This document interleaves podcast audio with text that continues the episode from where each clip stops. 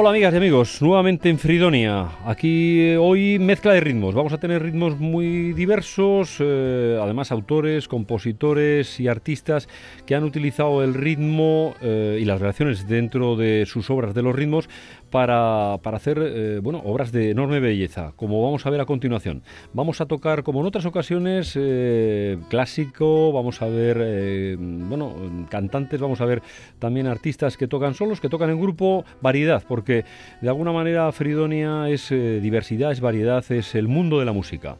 Vamos a iniciar eh, con un artista clásico, con un gran compositor clásico. Eh, tenemos la oportunidad de, de, oír a Piotr Ilich Tchaikovsky. ¿no? Tchaikovsky con su Sinfonía número 6 en si, en si menor, opus 74, también llamada La Patética.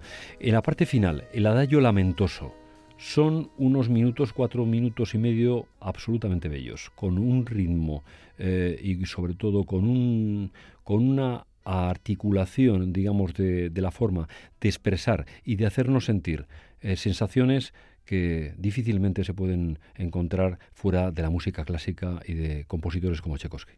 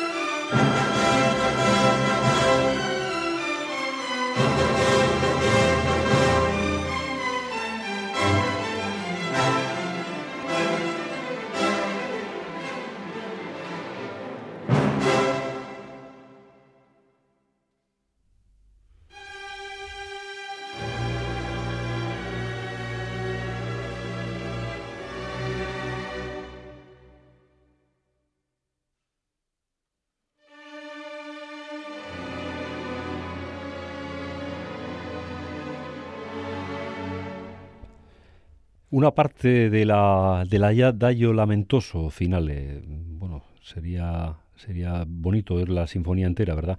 pero bueno, tenemos otras cosas que oír. El ritmo, el ritmo como base de una melodía, pero el ritmo también como elemento eh, importante para definirnos que hay un cambio en las melodías. Hemos visto en esta, en esta obra de, de Tchaikovsky, en un adagio, un, bueno, un espacio lento ¿no? dentro de, la sinfonía, eh, como la presentación de dos grandes bloques, ¿no? dos bloques con melodías eh, aparentemente distintas, aunque enlazadas desde la armonía y desde, desde la continuidad, y que el ritmo no, producía esa sensación de cambio. ¿no? Cuidado que aquí estamos ya en otro momento, en otra intensidad y sobre todo en otra sensación. Bien, y el ritmo en, arrancábamos en, el, en, la música clásica porque, bueno, pues con lo mismo que los espaguetis al dente, la música a tempo, ¿no? Eh, todos los que hemos empezado música tarde y que, bueno, pues que a veces vamos un poco de cráneo, ¿no? Para seguir el, el, resto del, de, los miembros del grupo, ¿no? El, no retrasarte, el no adelantarte, pues sabemos que el ritmo tiene una especial dificultad, ¿no? Dentro de lo que es un, un grupo y en este caso una orquesta. Imagínense el violinista que se adelanta y el y el, y el de la tuba que se retrasa, ¿no? Pues sería un pequeño desastre, ¿no? Bien, vamos al, jazz. Eh, y dentro del jazz, eh, bueno, parece que la cosa está más libre, ¿no? Y que ahí cada uno toca más por su cuenta y, bueno, el ritmo se expresa, bueno, pues con una conjunción de improvisaciones un poco, no voy a decir sin ton, sin ni son, pero mucho más abiertas, ¿no? Cosa que no es tan real, ¿no? Seguramente, como todos ustedes saben, ¿no? Es decir, el, ritmo del jazz es expresado, eh, bueno, con muchísimas variaciones y desde un punto de vista armónico, con muchísimas versatilidades y formas de expresarse, pero evidentemente también con unos ritmos muy definidos. Es decir, hay, evidentemente cada uno no puede hacer lo que le dé la gana, eso está claro. ¿no?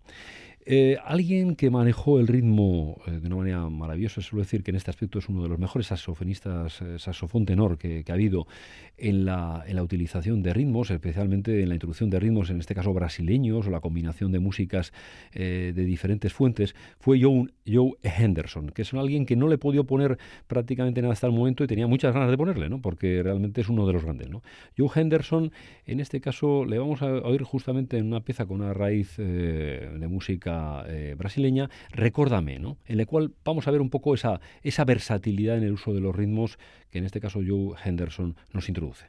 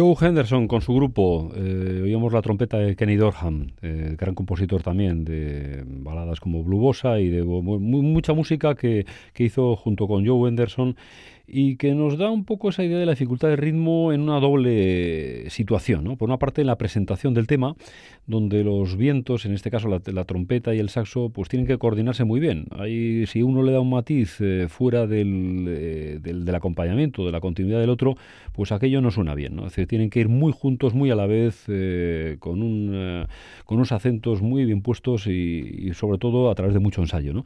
Y luego ya también el ritmo de las propias improvisaciones, evidentemente, dándole color y dándole bueno, pues expresividad a la obra. Y vamos a, otro músico que no habíamos tenido la oportunidad, hoy vamos a tener la oportunidad de tocar eh, o de oír tocar a músicos que no habíamos tenido la oportunidad de, oírlos en Fridonia y realmente eh, son músicos todos excelentes y que tenían, como les decía antes, muchas ganas de que podían escucharlos con, conmigo. Eh, es Gary Mulligan.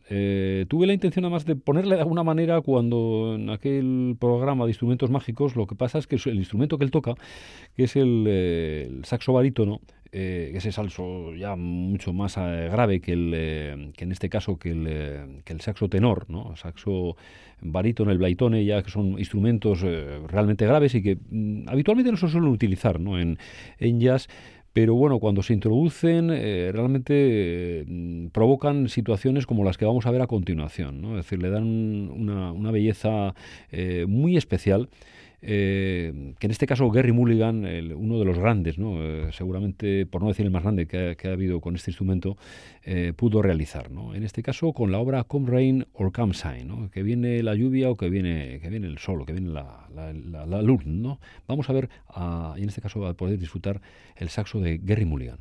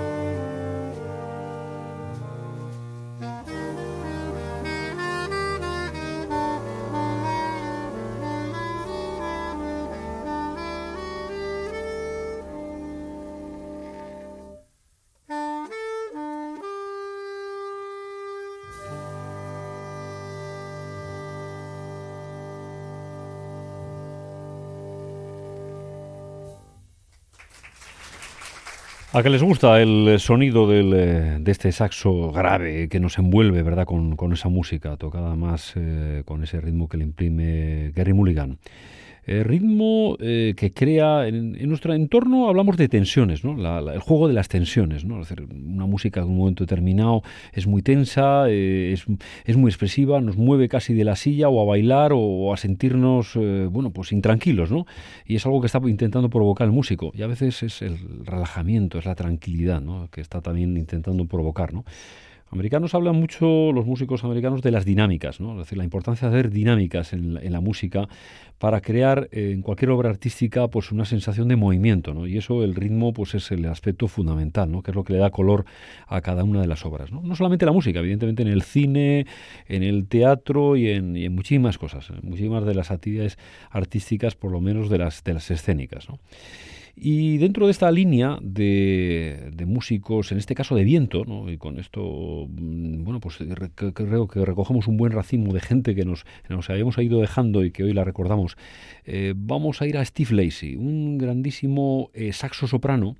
Eh, que aparte de, ser un auténtico virtuoso con el instrumento, era eh, un personaje absolutamente genial, ¿no? Es decir, eh, yo recuerdo que, bueno, pues en uno de esos viajecillos que te escapas de, en alguna ocasión a París, hay una tiendilla por ahí de, música que tengo un especial eh, cariño porque, bueno, tiene muchísimas cosas que no se encuentran en otros sitios, ¿no?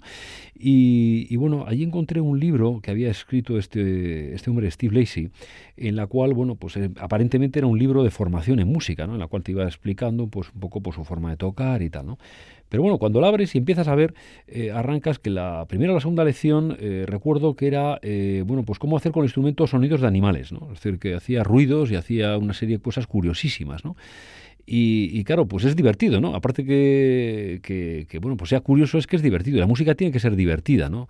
Eh, recuerdo siempre la anécdota también de Víctor Goins en, el seminario de jazz de Vitoria con los niños, en la cual pues, los niños estaban más o menos intentando llevar una, una, obra, una canción, y bueno, los veía pues demasiado tensos, un poco pues que se estaban yendo, y dijo, bueno, vamos a hacer ruidos, ¿no? Y vamos a, ver cómo suenan ruidos de animales. Irme diciendo animales y yo voy haciendo el sonido de ese animal, ¿no?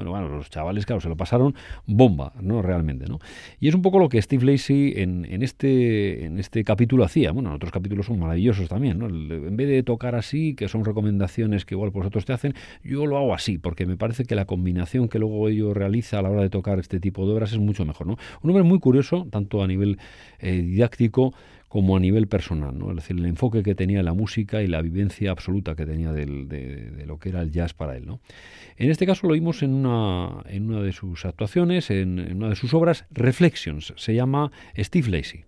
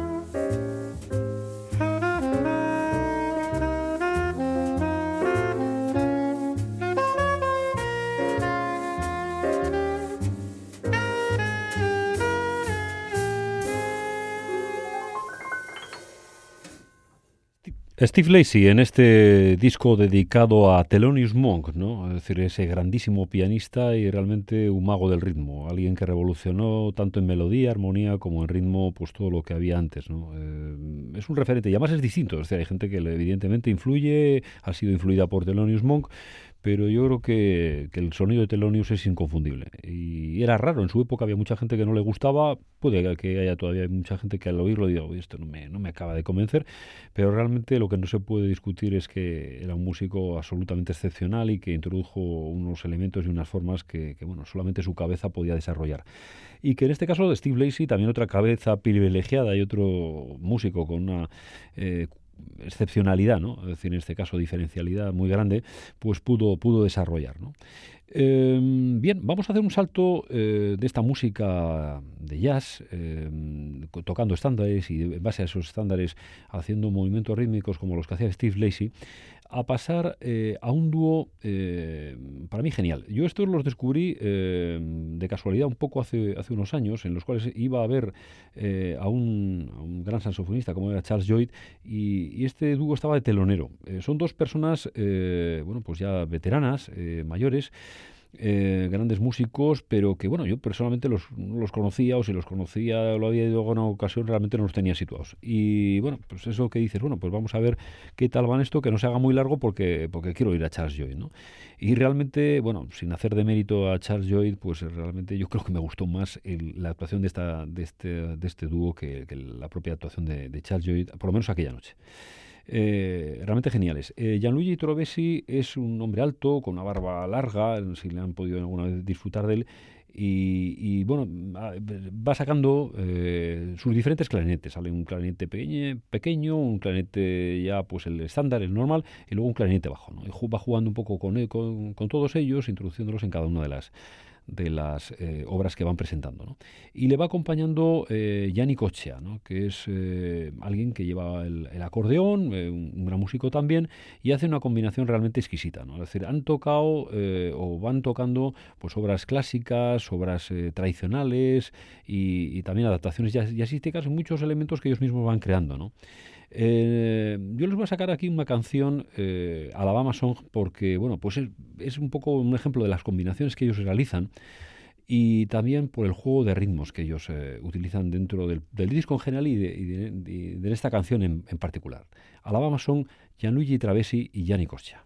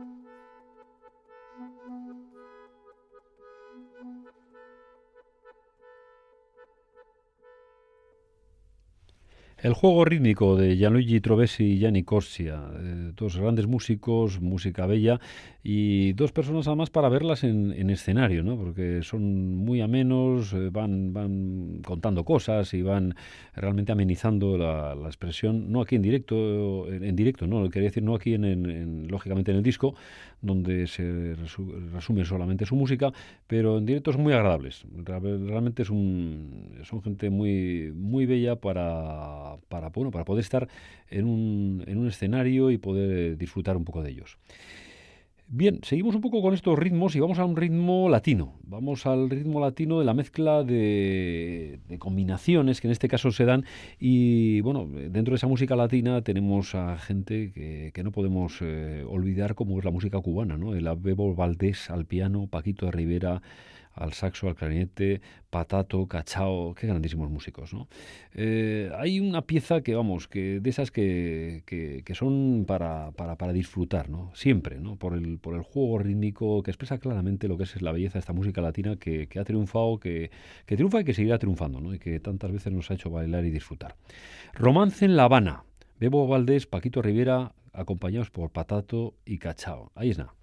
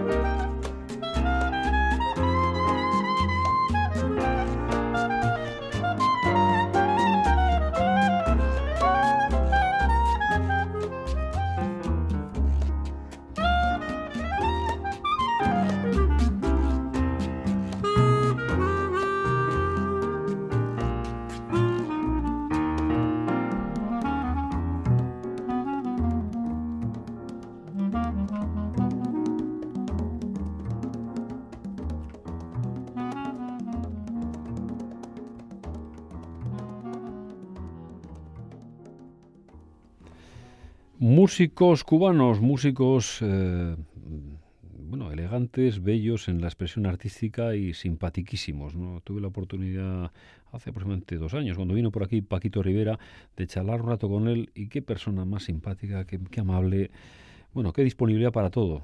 Realmente grandísimas personas, saben vivir la vida. Este es ya un último mensaje, un último motivo para los que les haya tocado la lotería, para los que vayan bien y para los que puedan, tengan tiempo y posibilidades. Romance La Habana, realmente disfrútenlo. Eh, y bueno, dentro de, esa pequeña gira que estamos haciendo de ritmos, eh, hay que pasar por África, qué duda cabe, ¿no? Y les he extraído de una, actuación que hubo de diferentes grupos africanos en Mali, hace unos pocos años, eh, una, actuación magnífica con una gran cantidad de músicos, eh, la actuación de dos grandísimos eh, músicos como son Habib Koité y Keletini Diabaté. ¿no? Es decir, el Diabaté y el Koité es que yo creo que aquí, allí en Mali son como aquí el, no sé, pues el, no sé, de esos apellidos que bueno, pues tienen mucha gente, ¿no? Porque realmente además hay muchos músicos, que realmente también hay sagas, ¿no? Es decir, hay padres, hijos, sobrinos que siguen y que mantienen esa continuidad de la música, ¿no? Pero bueno, es que son además apellidos eh, comunes. Javi Coité y Keletini Diabaté, en este caso, pues con una obra que se llama algo así como Mansani Cisé, realmente, eh, bueno, vamos a poder oírlo porque el ritmo que imprimen y la versatilidad de lo que es la música africana, eh, base además para muchas de las, de las músicas, es, eh, es digno de dedicarle estos cuatro minutos que vamos a tener a continuación.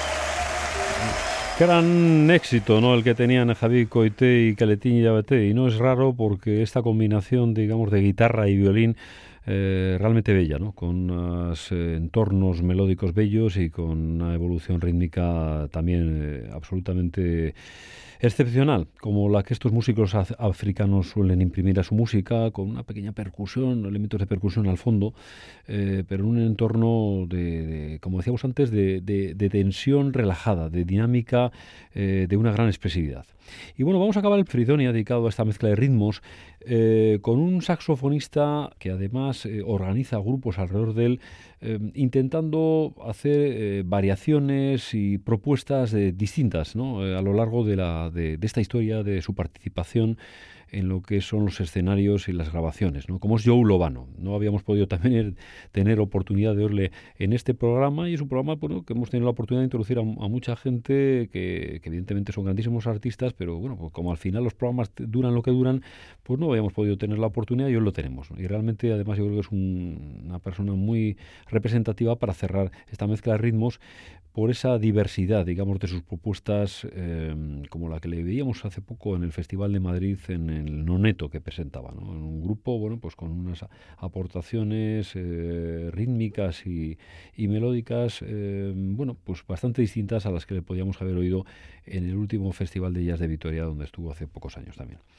Bueno, Joe Lobano, This is Always, con él cerramos el programa de hoy de Fridonia, dedicado a mezclas de ritmos. Hasta la próxima. Muchas gracias. Thank you.